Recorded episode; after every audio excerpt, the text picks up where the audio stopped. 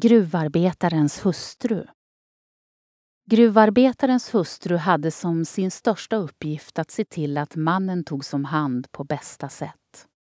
Hon såg till att han kom nykter och i tid till sitt arbete. Hon tog emot honom när han kom hem med en lagad måltid, oftast sill och potatis.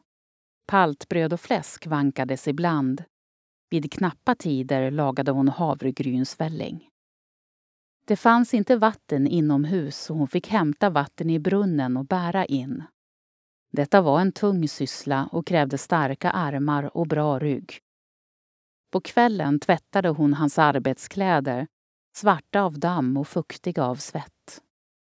Kläderna tvättades i sjön Blåkaren och bars hem för att torka på den öppna gemensamma vinden utanför lägenheten. Vintertid högg man upp en vak och sköljde kläderna bland isklumparna. Händerna blev röda och nariga. Även fruarnas kläder blev stela av is, liksom de enkla skorna.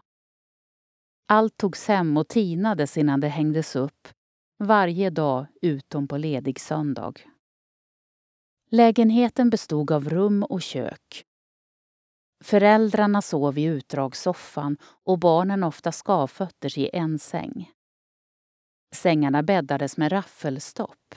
Det var mjukare att ligga på en halm. Hon fick skaka omkring ullstoppet ordentligt då det ofta la sig som klumpar i ena änden av sängklädet. Huset de bodde i ägdes av gruvbolaget och hade en trädgård där man kunde odla egna grönsaker och blommor. Inga äppelträd eller bärbuskar fanns att tillgå.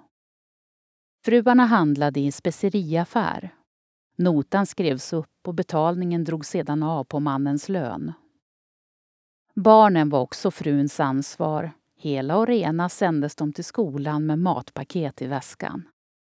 Vintertid bar barnen karbidlampor för att lysa upp den oftast långa vägen till skolan. När vägen blev bredare och lättare att följa släckte de lamporna och ställde dem under till exempel en gran. I vissa familjer gick barnen bara varannan dag i skolan. Det var så när familjens barn fick dela på ett skopar.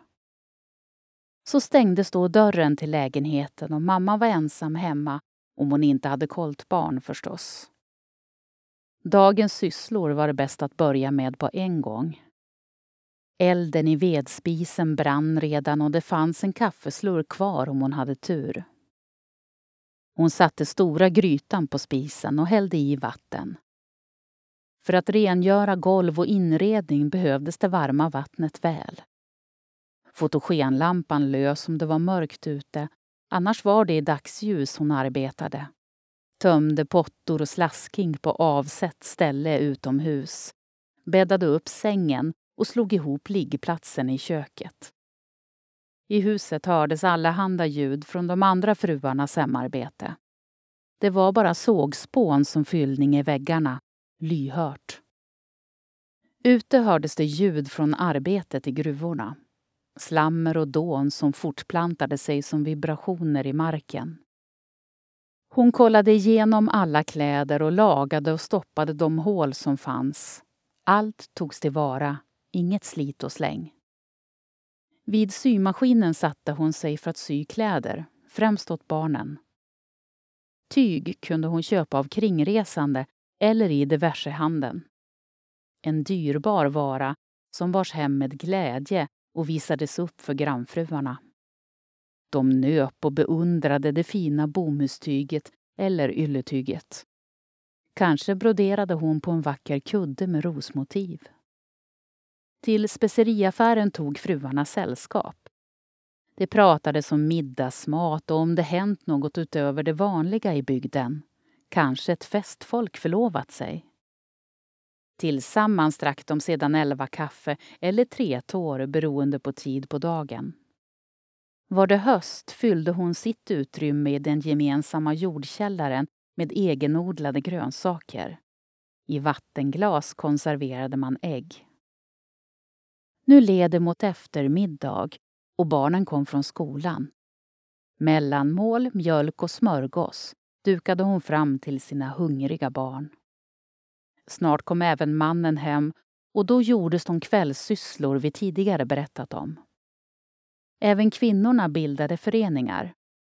Husmoderföreningen var en förening för utbildning i till exempel barnavård men också mötesplats för utbyte av erfarenheter. Det var ont om arbetstillfällen för den som ville arbeta utanför hemmet. En egen extraslant höjde självförtroendet.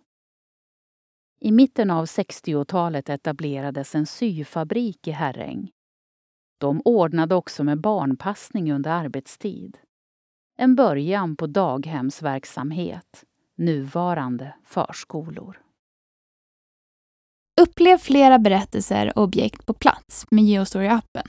I appen kan du också tävla om att bli väktare och beskyddare för dessa. Finns där appar finns. Har du förslag på intressanta och bra berättelser som du tycker borde finnas i Geostory? Gå då in på geostory.se, välj bidra under meny och klicka sedan på förslag på Geostory. Vill du även hjälpa till och sponsra redan inlämnade historier kan du välja insamling och sen sponsra med det du vill och kan. Vill ditt företag höras här? Kontakta då oss gärna på info.geostory.se för att vara med och sponsra